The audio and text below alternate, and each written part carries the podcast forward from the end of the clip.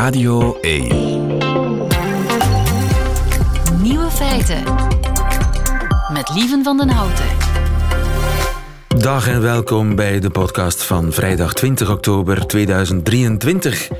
In het nieuws vandaag, die Pool die een man, een jonge man van 22 uit Polen, die dacht dat hij een geniale manier bedacht had om diefstal te plegen in een kledingwinkel. Op een zekere nacht werd hij betrapt door de veiligheidsdienst toen hij heel rustig een uh, kledingwinkel aan het leeghalen was. Hoe de man de winkel was binnengekomen was een compleet mysterie, want de beveiliging had het winkelcentrum na sluiting grondig gecontroleerd op potentiële achterblijvers. En er was helemaal niemand te zien. Maar bij het bekijken van de camerabeelden loste het mysterie zichzelf op. De dief heeft namelijk urenlang in de etalage gestaan als valse paspop. Niemand had hem opgemerkt. Dus wanneer de winkel sloot, dacht hij in alle rust een slag te kunnen slaan. Maar gelukkig patrouilleert er ook na sluitingstijd een beveiliger die de man bezig zag en hem uiteindelijk kon arresteren niet zelf proberen. De andere nieuwe feiten vandaag. Annelies Bontjes verbaast zich over de desinteresse van de Vlaming voor Brussel. Marie de Kok wint de PhD Cup met haar doctoraat over intercommunales. Veel egels zijn te mager om in winterslaap te gaan. We spelen de vrijdagquiz en Nico Dijkshoorn beschouwt de wereld in zijn middagjournaal. Veel plezier. Kun je zoiets saais als uh, intercommunales, kun je dat sexy maken? Wel, Marie de Kok die deed het gisteravond op de PhD Cup in Brussel. De wetgeving van vandaag is nog steeds gebaseerd op het gedachtegoed van 100 jaar geleden. En er zijn heel wat dingen van 100 jaar waar we nog altijd volledig achter staan. Kotten door. Of leffen, bijvoorbeeld. Maar bij intercommunales hm, is dat toch anders. Want er ontstaan problemen en zelfs schandalen. Marie de Kok over haar doctoraat over uh, wetgeving rond intercommunales. Een speech van drie minuten waarmee ze de PhD Cup won gisteravond. Gefeliciteerd, Marie. Dank u wel, lieve. En welkom in Nieuwe Feiten. Dank u. Ben je al een beetje bekomen? Ja. Want je hebt nog altijd je badge op van de, van de ja, PhD Cup. Klopt. Uh, ja, ik ben wel al een beetje bekomen, maar het is nog altijd toch een beetje onwezenlijk. Uh, ik vind het ook heel raar, lieve, dat ik er nu bij jou zit. Ja, het lijkt alsof je het Songfestival gewonnen hebt. ja, toch iets uh, anders, maar inderdaad. ja. Je bent dokter in de rechten en nu ook trotse eigenaar van de Gouden PhD Cup 2023. Een trofee voor de wetenschapper die het best in drie minuten tijd zijn of haar doctoraat kan uitleggen. Uh, je concurrenten die hadden het over kilievisjes, over de spreekstem van transgenders, over drugs in het rioolwater. Allemaal wervende onderwerpen. Jij over intercommunales. Niet bepaald sexy, hè, toch? Nee, nee, nee, klopt. Ik ben ook stom verbaasd dat dit thema dan uiteindelijk uit de bus is gekomen. Um, ik heb daar ook wel moeite mee gehad, hoor. Om dat op een toch ja, leuke manier te brengen. Uh, er is lang over nagedacht en uiteindelijk beslist om het dan misschien met een vlugje humor te brengen, want het is inderdaad een redelijk droog en technisch thema. Ja, je bent gepromoveerd op intercommunales. Ja. Uh, wat heb jij uh, over intercommunales ontdekt? Ja, uh, ik heb ontdekt dat die intercommunales of intergemeentelijke samenwerkingsverbanden, wat eigenlijk de officiële juridische term is in Vlaanderen, dat die, um, dat die vandaag dus heel talrijk zijn, maar dat de wetgeving die die intercommunales regelt, dat die nog altijd gebaseerd is op uh, de fundamenten die 100 jaar geleden zijn bedacht. Dus de eerste wet op die intercommunales, die dateert van 1922. En sindsdien, we zien wel dat er aanpassingen zijn gebeurd, vooral dan naar aanleiding van problemen en schandalen, maar dat is niet fundamenteel herdacht. En, uh, dus we zitten nog altijd met een wet van 1922 die de basis vormt van de intercommunales vandaag. Ja. Maar uh, er waren zelfs mensen die ik gisteren sprak die niet eens wisten wat een intercommunale was. Hm. En laat staan dat ze een, een idee hadden. Wat, zei er, wat heb ik met een intercommunale te maken? Ja, veel meer dan, dan je denkt. Want het lijkt zoiets abstracts. Ja, het is, het is iets abstract. Het is een bedrijfje, dus in principe is het iets ja, dat, in de lucht bestaat. Het is geen fysieke persoon, maar um, intercommunales, wij komen daar elke dag mee in aanraking als burger. Bijvoorbeeld, ze halen ons afval op, uh, ze zuiveren ons water, maar ook andere dingen. Ze, ze voeren crematies uit, uh, ze organiseren sporteventen, bibliotheken. Dus dat is echt op tal van domeinen dat dus die actief dat zijn. zijn. Gemeenten die samen een bedrijf ja. hebben opgericht om een aantal taken uit te voeren die eigenlijk door de gemeenten zouden moeten worden Ja, klopt. Omdat het efficiënter is, goedkoper. Um, het, is, het is makkelijker voor een, een, paar gemeenten om samen een vuilniswagen aan te kopen, om dan het grondgebied van al die gemeenten uh, af te werken, dan dat elke gemeente in Vlaanderen nu apart een vuilniswagen aankoopt. Dat zou ja, een, een echt een uh, geldverspilling zijn. Nu, uh, een wet die dateert uit 1922 is niet noodzakelijk een slechte wet. Nee, klopt. Ja, er zijn ook heel wat, wat basisprincipes die, die goed zijn. En in mijn doctoraat, ik denk dat ik zeker niet um, de bedoeling heb om te zeggen van goh, we moeten dat nu volledig gaan omgooien, echt. Ik denk dat, de, dat het de ja, het best is dat er een keer wordt nagedacht welke elementen willen we nu behouden van hoe dat we er vroeger naar keken en waar willen we toch iets of wat gaan moderniseren. En die oefening is gewoon nog niet gebeurd. Maar in die wet zitten zeker heel goede dingen ook. Zeker. Ja. Die intercommunale zijn ook heel nuttig. Ja, en, maar ze gaan soms in de fout. Bijvoorbeeld? Ja, bijvoorbeeld um, de laatste jaren zie je toch dat ze iets vaker ook in het, uh, in het nieuws komen. Uh, er zijn een aantal schandalen ook opgedoken, um, zoals het Publifin-schandaal bijvoorbeeld, waarbij politici heel wat uh, miljoenen euro's hebben gekregen voor vergaderingen die niet echt hebben plaatsgevonden enzovoort. Um, er dus het wordt ook... gebruikt om, om mensen centen toe te stoppen, elkaar centen ja. toe te stoppen. Ja, dat, het is natuurlijk allemaal een beetje... De oorzaak daarvan is dat er gewoon de regelgeving, dat, dat daar niet voldoende op inwerkt of, op, of toezicht op hield. Op dat vlak heeft men intussen ingegrepen. Men heeft gezegd, kijk, de verloning voor die politici die is begrensd vanaf uh, nu. Um, maar er zijn ook nog andere, nog andere moeilijkheden die daarbij bij reizen. Dus, en Want die, dat zijn bedrijven die, die bedrijven die moeten winst maken of die moeten een goede cijfers voorleggen. Die gaan soms investeringen doen bijvoorbeeld. Ja, maar dat is natuurlijk de vraag. Moet een intercommunale, moet die winst echt gaan maken? Is dat het hoofddoel? En dat is wat ik ook in mijn onderzoek wel probeer, die vraag toch probeer op te werpen van, goh, is dat de bedoeling? Want 100 jaar geleden was dat heel duidelijk, dat bleek, bleek, heel duidelijk uit die parlementaire voorbereiding die ik ook ben gaan bekijken, van nee, nee, nee, let op. Hè. Dat is niet de bedoeling dat die intercommunales, dat die hier zuiver commerciële activiteiten gaan stellen, dat die hier winsten gaan maken, uh, dat dat door het dak gaat. Dat is niet de bedoeling dat dat een onderneming wordt. En vandaag de dag zie je dan inderdaad dat dat wel het geval is. En zo zijn er, kunnen er belangenconflicten ontstaan. Ja, belangenconflicten. Een gemeente kan een bepaald beleid voeren, maar die intercommunales voeren dan een beleid dat er te tegenin gaat. Dat kan. Ja, dat kan inderdaad. Um, een voorbeeldje daarvan is bijvoorbeeld ja, recente investering van, van Fluxys, ook in een gaspijpleiding in Brazilië. Um, daar moet ik wel bij zeggen dat Fluxys een dochter um, intercommunale is. Dus je hebt dan eigenlijk, ja, dat maakt het nog complexer. Uh, een dus dochter intercommunale? Ja, je hebt dus uh, de intercommunale, dus de gemeenten die samen een bedrijfje oprichten. Dat en die kunnen dan weer een ander bedrijfje voilà. oprichten. En wat dat we nu zien, ja, is dat dus er steeds vaker die intercommunale zelf ook zelf weer bedrijfjes gaan oprichten. En die bedrijfjes gaan dan natuurlijk zaken gaan doen, maar doordat die steeds verder van de gemeente komen te staan, ja, wordt die controle ook veel moeilijker. De gemeenteraadsleden die, ja, die kunnen dat gewoon niet doen. Ja. En dus jij stelt eigenlijk een, een makeover voor. Een, je hebt zelfs een, heb, heb jij al een nieuwe wet klaar? Goh, een nieuwe wet op zich uh, niet. Denk, ja, dat, is ook, dat, is ook, het zou niet de moeite waard zijn, denk ik, om dat zelf op te stellen.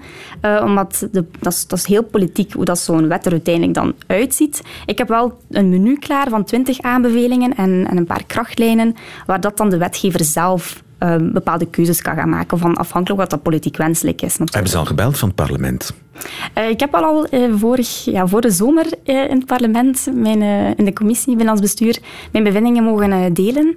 Um, dus ik ben heel benieuwd wat dat er gaat uitkomen. Ik denk dat het zeker nuttig uh, zeker nuttig is voor die intercommunales. Want zijn, het, is zo belangrijk en er zit echt toekomstperspectief in. Dus uh, ja, ik, uh, ik heb er goede hoop in. Zou je niet in de politiek gaan, Marik? Nee, ik denk niet dat dat aan mij is besteed. Ik, Nee? eh, nee ik denk dat... Je klonk bijna als van... ik, zou, ik zou bijna voor je gestemd hebben. Ja, ik ben, ben er gewoon heel erg van overtuigd dat er eh, iets aan te doen is en dat, er, ja, dat, er echt, eh, dat we echt samen hier Een terug... soort sanering van de wildgroei ja, die rond intercommunalis is gegroeid. Vooral een modernisering, denk ik, en een update van die, van die regelgeving die toch wel echt ja, een, aan een op- update nodig eh, Ja, is. de politici hebben al geluisterd naar jou, dus wie weet Mhm. komt jouw werk uiteindelijk in het grote wetboek. zou heel fijn zijn, ja. Dat bovenop je doctoraat aan de Universiteit van Hasselt en bovenop je gouden PhD-cup maak je nogmaals eh, feliciteren. Marie de Kok, Top. fijne dag verder. Dankjewel, lieven. Nieuwe feiten. De ontdekking van België. Daar kun je ook een, eh, een doctoraat over schrijven, denk ik, over de ontdekking van België. Goedemiddag, Annelies. Goedemiddag. Annelies Bontjes, Nederlandse journaliste in Brussel. Wat heb je deze week aan ons rare land ontdekt? Nou, het ging natuurlijk deze week eh, enorm over Brussel. Eh, vanwege de aanslag Er, maandagavond. wa- er is iets gebeurd in Brussel. Ja, dus het ging de hele week over Brussel. En daardoor ehm, besefte ik me eigenlijk hoe weinig het normaal gesproken over Brussel gaat in de media. Ehm, het was natuurlijk nu vanwege de aanslag, ja, dan ontkom je er uiteraard niet aan dat er heel veel journalisten naar Brussel kijken en wat er gebeurt. Maar dan eh, ja, staat Brussel er natuurlijk wel ontzettend slecht weer op. Inderdaad, nu je het zegt, ik, ik heb een abonnement op een krant. Ja, Misschien zeg ik nu iets heel doms, maar dan kun je al die regionale eh, bladzijden ook hebben. En, Ja. dan- en lees ik nieuws uit Ja. West-Vlaanderen, uit Limburg, uit Antwerpen, uit Brabant. Bij die regionale pagina staat nooit iets over Brussel. klopt. Dat is niet eens een optie die je kunt aanklikken bij Nee. Nee, dat is echt zo. Ja. Is ja. toch gek? Dat is ontzettend gek. En dat is iets waar ik me eigenlijk al langer over verbaas. Want in Nederland... Is ja, dat heel anders? Ja, dat is, juist, dat is juist eigenlijk het tegenovergestelde. Hier is, gaat het in de media gewoon heel weinig over Brussel. Terwijl eh, in Nederland krijgen media vaak het verwijt dat het gewoon veel te veel over Amsterdam gaat. Ehm, en dat journalisten ook iets breder moeten kijken dan hun eigen randstedelijke bubbel. Je, had het net over die regiopagina's bij Nederlandse kranten. Dat, dat weet ik dan omdat ik bij een aantal heb gewerkt. Heb je dan ook eh, dat het land een beetje verdeeld wordt onder correspondenten, noemen ze dat ook. Dan hebben ze een correspondent Noord-Nederland, een correspondent Zuid-Nederland, West-Nederland.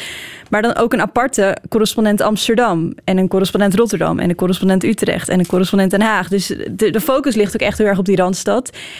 En nou ja, het heeft er denk ik ook mee te maken dat de redacties zitten allemaal in Amsterdam van de kranten. Dus de journalisten die daarvoor werken, die wonen ook grotendeels in Amsterdam. En ja, dan ben je natuurlijk met bepaalde onderwerpen bezig die in je eigen kring spelen. En dan komen we denk ik weer uit bij waar we het vorige week over hadden. Dat dat hier op de redacties misschien wel minder zo is, omdat de Vlaming onder de kerktoren blijft. Ja. toch? Dus dat er minder journalisten in Brussel wonen. Er wonen wel veel van mijn collega's in Brussel, maar zeker niet de helft. Nee, nee, Zeker precies. niet. Ja. Nou ja, dat, dat kan ermee te maken hebben, toch? Dat, eh, dat Brussel weinig in de media komt. En dat als het over Brussel gaat, dan is het altijd extreem, hè? Criminaliteit, asielzoekers op straat, daklozen op straat, illegale. Ja, ik snap nogal dat dat niet eh, voor een prachtig beeld zorgt. En dat is, ja, sorry. En dat is niet het beeld dat jij hebt als bewoner. Nee, absoluut niet. En nee, zeker niet. Nee, eh, ik ben gek op Brussel. Ik heb van de zomer een, heel, eh, een hele ode aan Brussel gegeven hier op de radio. Dat, dat is zeker niet onder stoelen of banken. En, ja, en dat is niet een soort witte broodsgevoel, dat, is, dat blijft. Want hoe Wordt eigenlijk alleen maar wordt, je, je houdt alleen maar meer en meer, elke dag een beetje meer Ja. van Brussel. En ik voel me ook steeds meer een beetje iemand die dat moet verdedigen. Want als ik dan dus buiten Brussel kom voor interviews, dat is deze week dus nog. Nee, vorige week gebeurde dat. Had ik een interview met iemand uit Antwerpen. En toen zei hij: En eh, waar woon je? Zei ik: Ja, in Brussel. Oei, valt het mee? Nou, dat heb ik al vaker gehoord. Dat mensen dan zeggen: Valt het mee? Ik zei: Hoezo het valt mee? Woon je dan in een hele chique buurt misschien? Nee, hou op. Ja, maar dat kan, hè? Maar het is toch raar als je zegt, woon je in Brussel, valt het mee? Dat het, alsof dat zo vreselijk is om daar te wonen. Ja, ik snap, ja, De Vlaming heeft een heel negatief beeld over ja Brussel. maar dat komt denk ik dus wel omdat het zo weinig in de media komt. En omdat het dan al alleen maar gaat over hoe negatief het is. Denk ik, toch? Ja. Noem eens een paar positieve dingen. Wat vind je dan zo geweldig aan Brussel? Drie dingen. Uh, nou, ik vind de diversiteit in Brussel echt veel groter en uh, leuker dan Amsterdam. Ik was laatst met een vriend uit Brussel in Amsterdam. En toen liepen we uh, door een deel waar ook bijvoorbeeld veel migranten wonen. En toen zeiden hij van, wow, hier praten mensen Nederlands. Dat ben ik helemaal niet gewend. Want in Brussel hoor je juist alle talen door elkaar. Dus die meertaligheid door die diversiteit vind ik echt een enorme troef. Het is zalig als je op het terras zit in Brussel en je hoort gewoon vijf talen om je heen. Dat is toch echt dat geeft zo'n heel erg dat wereldstadgevoel. New York. New York, inderdaad. New York zou ik zeggen. Uh, nou ja, en ook natuurlijk dat die taalgrens door de stad loopt, waardoor heel veel mensen in Brussel Nederlands en Frans kunnen praten. En ik denk wel, hoe verder je van Brussel vandaan gaat, hoe, hoe minder die talenkennis misschien is, durf ik misschien wel te beweren. Dus dat is, dat vind ik uh, ontzettend ook een troef van Brussel. Toch? Ja? Ja, ja, ja, ja. Nou ja, en het is ook gewoon heel interessant dat je, dat je aan de ene kant dat het een stad is met, uh, met de hoogste salarissen, natuurlijk met uh, Europese um, uh, instellingen, mensen die daar werken. En aan de andere kant ook hele grote armoede. En dat je die twee samen hebt in een stad, dat, dat zie je niet zo vaak. en dat is toch best bijzonder. Ja, ja, ja. ja. ja. En, en de chaos. De, de, de, ja, de Tuurlijk, ik ga niet ontkennen dat, uh, dat, dat, dat het ook een beetje lelijk is en vies is. Maar er zijn heel veel mooie dingen te ontdekken. Heel veel leuke pleintjes. Je hebt natuurlijk ook een beetje die Franse allure die, ja. er, die er omheen hangt. En natuurlijk, de, uh, jij komt uit een overgeorganiseerd land. Ja. dan dan ja, kan Brussel misschien een verademing zijn. Ja. Dat zou kunnen. Maar dus dus, dus, dus, ik, roep, ik wil oproepen, laat, laat het vaker over Brussel hebben bij, bij de VRT, bij de VTM en zo. Beschouw het als een Vlaamse regio. Ja, dat zou mooi zijn, toch? Ja. Oké, okay. we, we, nemen het mee. Dankjewel. Zoals we dat tegenwoordig zeggen. We nemen het mee. Hè? Nemen jullie het in Nederland ook dingen mee? Ja, we nemen het mee. J jullie nemen dingen ook mee? Ja. Dat is het dan? Ja, oké, okay, goed. ja, we nemen het mee.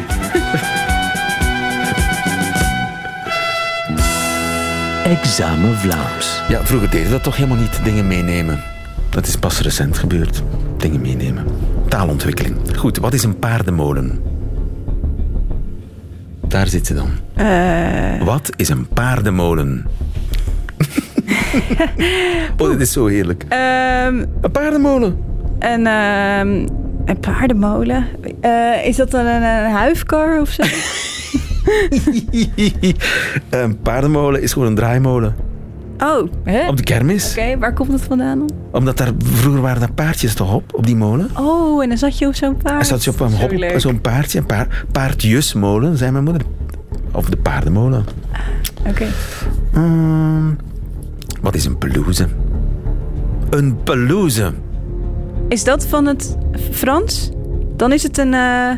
Een, uh, Ongetwijfeld. Een, een knuffelbeer. dat is plush. Oh. Dat is een, een, een plush is niet een pelouse. Ik zei pelouse, niet plush. Oh.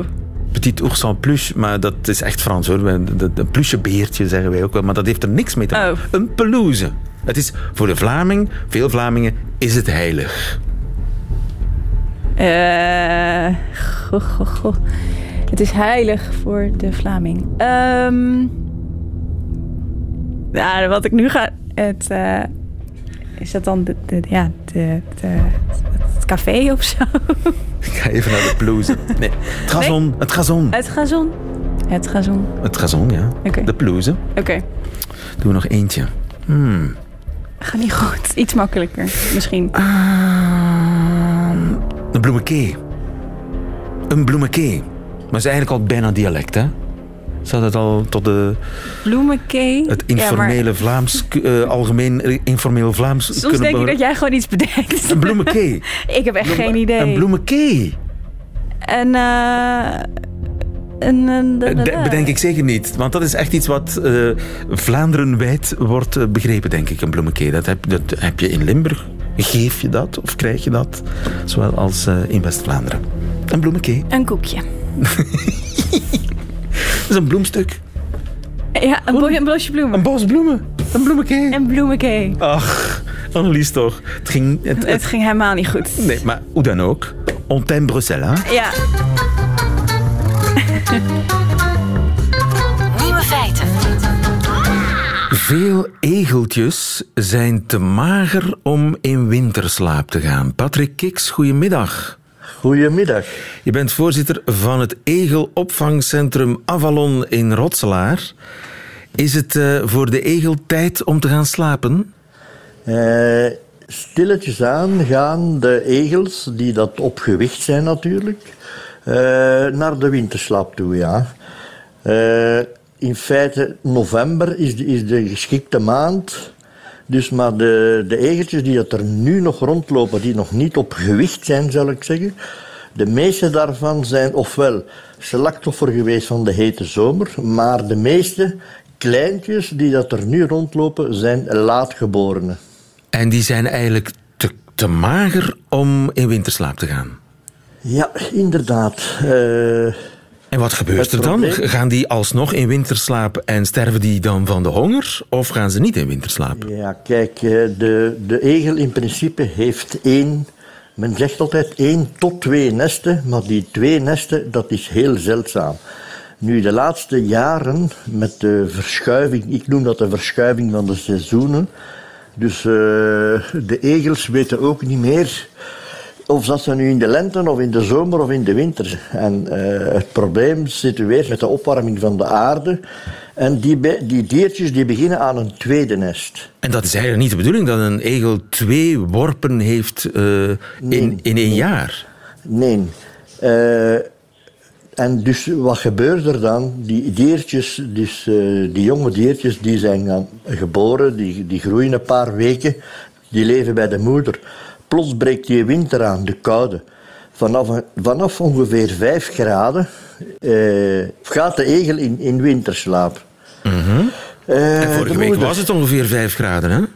Dat klopt. En de moeder, de moeder die uh, gaat dus in winterslaap en de jongen die worden aan hun lot overgelaten. Ze duwt die jongen gewoon uit het nest? Ja, inderdaad. Of, of, of uh, ja, ze, zij, gaat in, zij slaapt en die, jongeren, moeten, moeten, moeten een plan trekken. ja. ja.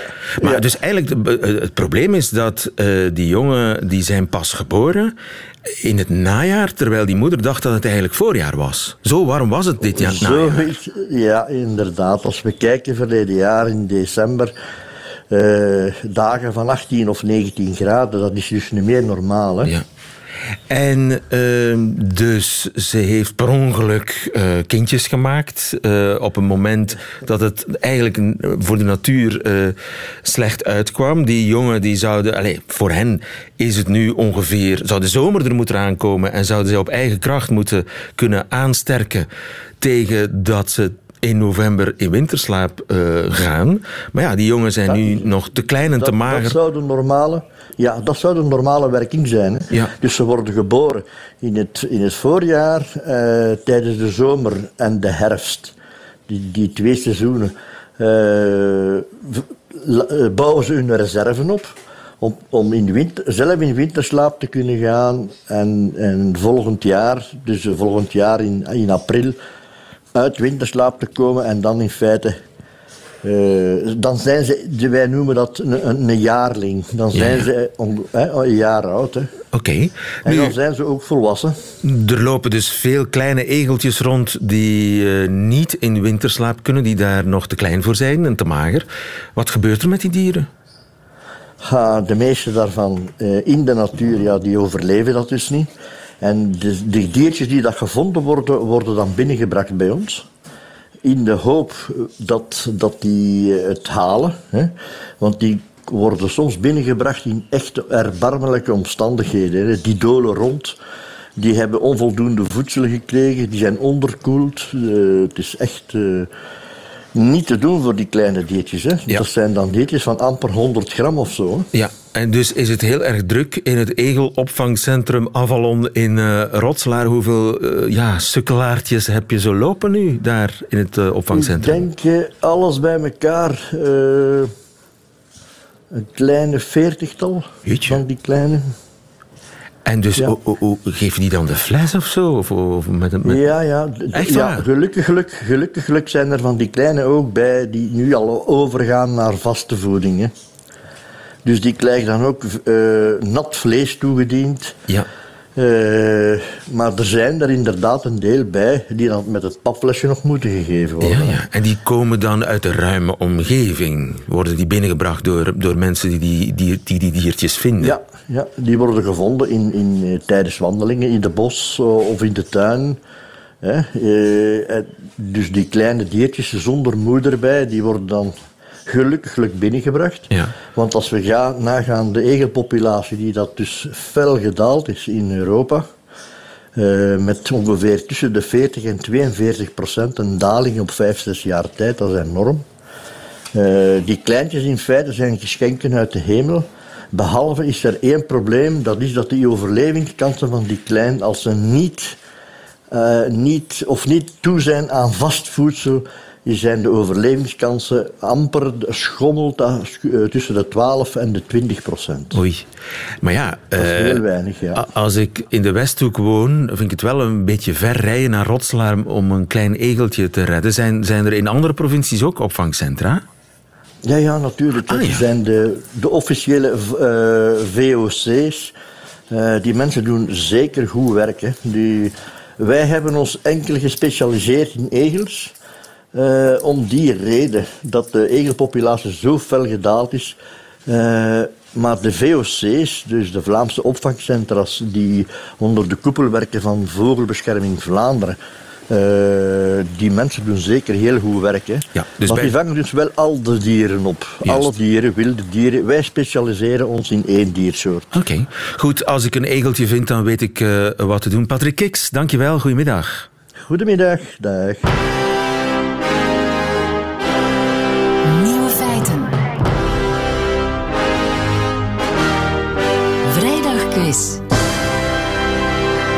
Bittere ernst op vrijdagmiddag met uh, Gilles Wijkmans. Goedemiddag, Gilles. Hallo.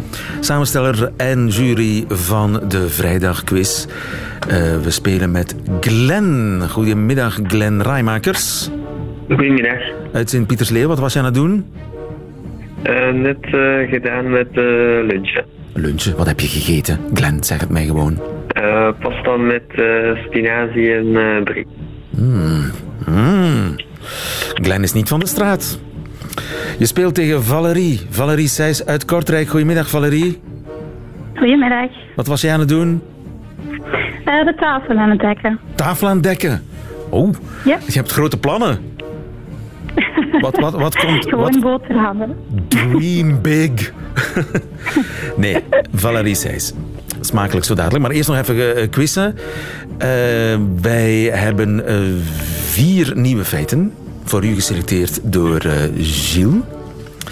Uh, en uh, jij moet dan raden of een nieuw feit klopt of niet. En wie het laatste nieuwe feit goed kent, die wint deze quiz. Ik begin bij Glenn, zolang hij, zich, zolang hij goed antwoordt, blijft hij aan de beurt. Enfin, jullie kennen het systeem, we beginnen eraan. Dus zo simpel. Glenn, wat is er bijzonder aan het traject Brussel-Kortrijk? A. Daar vind je de hoogste concentratie doodgereden wild in België. B. Het is het vaakst gevlogen traject door Belgische privéjets. Brussel-Kortrijk. C. Lonely Planet verkozen tot mooiste Europese snelwegrit. Glen. Ik ga voor uh, A. Je gaat voor A. Fout. Valérie. Uh, ik ga voor B. Je gaat voor B?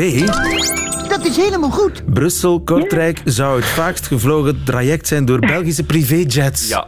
Dat, dat blijkt, blijkt uit onderzoek van de RTBF. Die hebben de online beschikbare vluchtgegevens bekeken van uh, twee grote Belgische privéjet-verhuurders. En um, ze vonden dan uiteindelijk vluchten, uh, de 8000-tal vluchtengegevens van de 8000-tal vluchten. En dan blijkt dat met 54 vluchten het traject Brussel-Kortrijk het meest wordt afgelegd door Belgische privéjet. Dat betekent niet per se dat er... Hoe, men... Hou maar naar Brussel? Ah, we een jet. Ja, ah, wel, maar het waarschijnlijk Eigenlijk komt het omdat het verplaatsingsvluchten zijn. Dus dat een West-Vlaamse zakenman zegt: Ik wil graag naar Parijs vliegen, of Italië, of naar New York. En dat dat, dat, dat verhuurbedrijf dan zegt: Ah ja, tuurlijk meneer, dan vliegen wij wel even onze privéjet van Brussel naar Kortrijk en komen wij u daarop pikken in de plaats van. Dan vliegen we door naar Milaan of, Br of uh, Parijs ja. of whatever. Oké, maar de mensen zijn redelijk rijk. Of er zijn veel rijke mensen in Kortrijk. Dan moeten we aan Valerie vragen. Hè? Ah ja, Valerie, woon jij in Kortrijk? Ja, natuurlijk. Ja. Ik heb net gezegd. Valerie, heb jij, ga je, als je naar Brussel gaat, neem je toch ook gewoon het privéjet? Uh, ja, naar Brussel wel, maar naar Gent neem ik wel de privé... Ah, ja. Oké, okay, vraag 2 uh, is voor jou. Wat stelen dieven in Griekenland van begraafplaatsen? A. Muntplanten. B. Koffie. C. Olijfolie. Ik vind alle drie absurd. Wat steel je van een begraafplaats? Ja, misschien een, een uh, rijk versierd beeld of zo? Een bloemekee. Een bloemekee. A, B of C? Muntplanten, koffie of olijfolie? Valerie? A. Je denkt A. Geen muntplanten. Ja, het was het enige, het minst absurde in elk geval. Glenn. Uh, ik heb er koffie. Er wordt olijfolie gestolen. Ja, want in Griekenland is het traditie om olielampen op een graf te zetten. En die worden daar blijkbaar gevoed met olijfolie. Alleen is het probleem met olijfolie dat een aantal jaren al de oogsten slecht gaan, waardoor de prijs van olijfolie met 200% gestegen is. En zo is er onlangs ook uh, 37 ton olijfolie gestolen uit een magazijn van een producent. Straatwaarde 300.000 euro. En blijkbaar zijn dieven zo wanhopig op zoek naar olijfolie dat zelfs de olijfolie dus uit uh, die olielampen gestolen wordt. En zelfs bij huisinbraken ook de olijfolie uit de keukenkast wordt meegenomen. Ah ja, daar wordt voor ingebroken. Voor ja, olijfolie. Ja, er is een journalist die zegt dat uh, dieven de juwelen links laten liggen om voor de olijfolie te gaan. Griekenland vandaag. Valerie, vraag 3 is ook voor jou. Een uh, Amerikaanse man haalde onlangs het nieuws met de volgende uitspraak. Ik voelde het branden 3,5 uur lang. Daarna kwamen de krampen. Ik lag een uur plat te kermen van de pijn. Wat is die man overkomen? A. Hij at de heetste peper ter wereld. B. Hij liet zich steken door een Aziatische hoornaar. C. Hij spoot pepperspray in zijn eigen gezicht. Het is een? Die kunnen dat doen? Die, zijn zo. Uh, Valerie, A, B of C? Ik gok op uh, C. Je gokt op C. Wat heel spannend. Want het gaat terug naar Glenn. Uh, ik gok op A. Je gokt op A. Dat is helemaal goed. De heetste peper ter wereld. Pepper X heet die. En die heeft 2 uh, 2 miljoen... Nee, wacht. 2,6... Uh, 693 miljoen Scoville. Wat uh, pikanter is dan uh, pepperspray. En die man heeft die peper in zijn geheel opgegeten natuurlijk. Met die pijnlijke gevolgen. Tot gevolg. Waarom ontwikkel je een peper die sterker is dan pepperspray? Wel, de man was vroeger drugs- en alcoholverslaafd en hij zegt dat hij op deze manier een natuurlijke high heeft gevonden. Oké, okay, goed. Vraag 4 is voor Glenn. Wat mag je op Schiphol niet mee hebben als je snel door de security wil geraken? A. Een bodywarmer. B. Een aansteker. C. Confetti. Uh, confetti. Een confetti? Valerie Seys. Wat, maar als je dit goed hebt, win je deze quiz. A of B, een bodywarmer of een aansteker? Wat mag je niet een bij hebben? Aansteker. Je mag geen aansteker bij hebben. En daarmee is het gebeurd.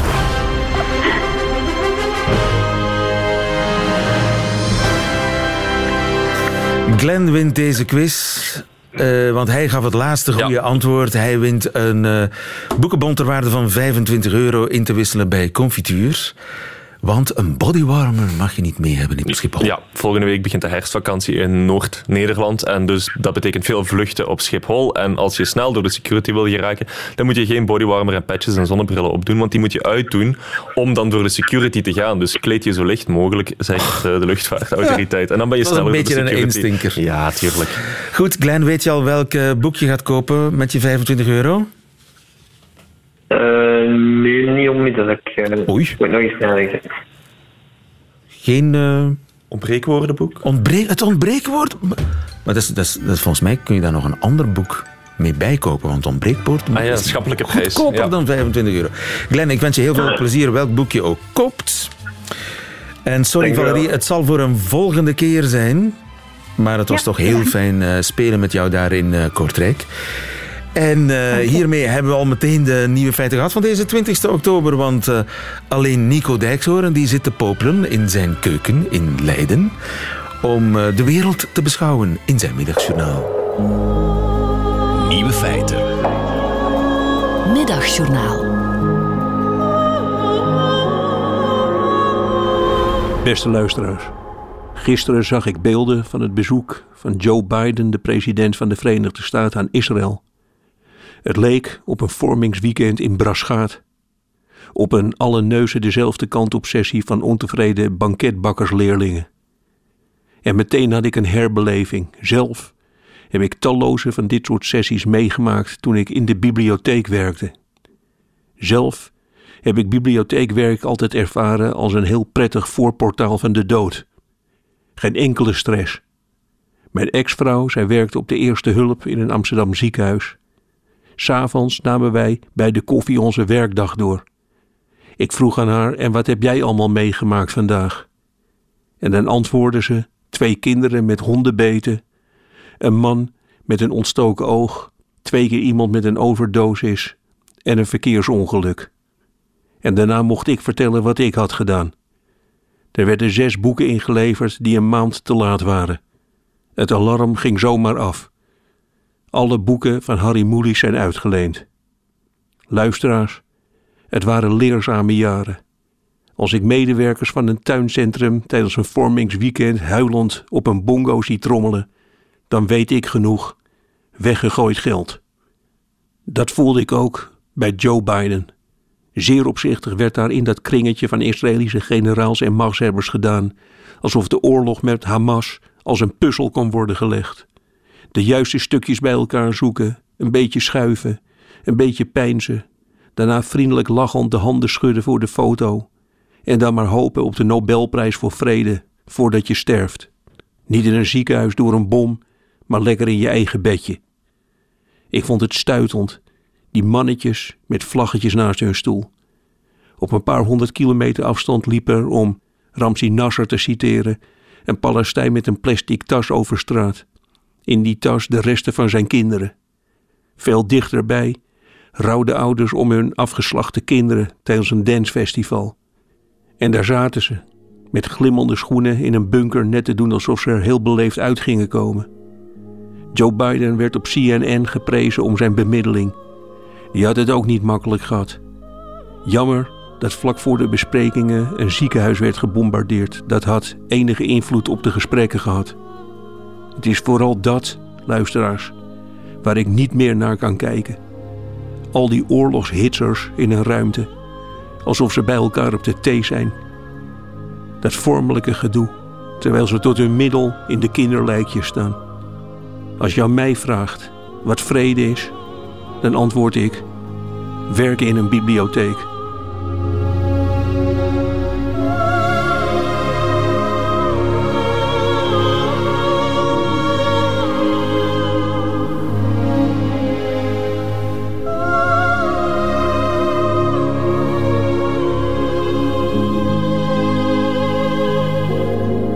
In het middagjournaal. Einde van deze podcast. Doet u liever de volledige uitzending van uh, Nieuwe Feiten met de muziek erbij.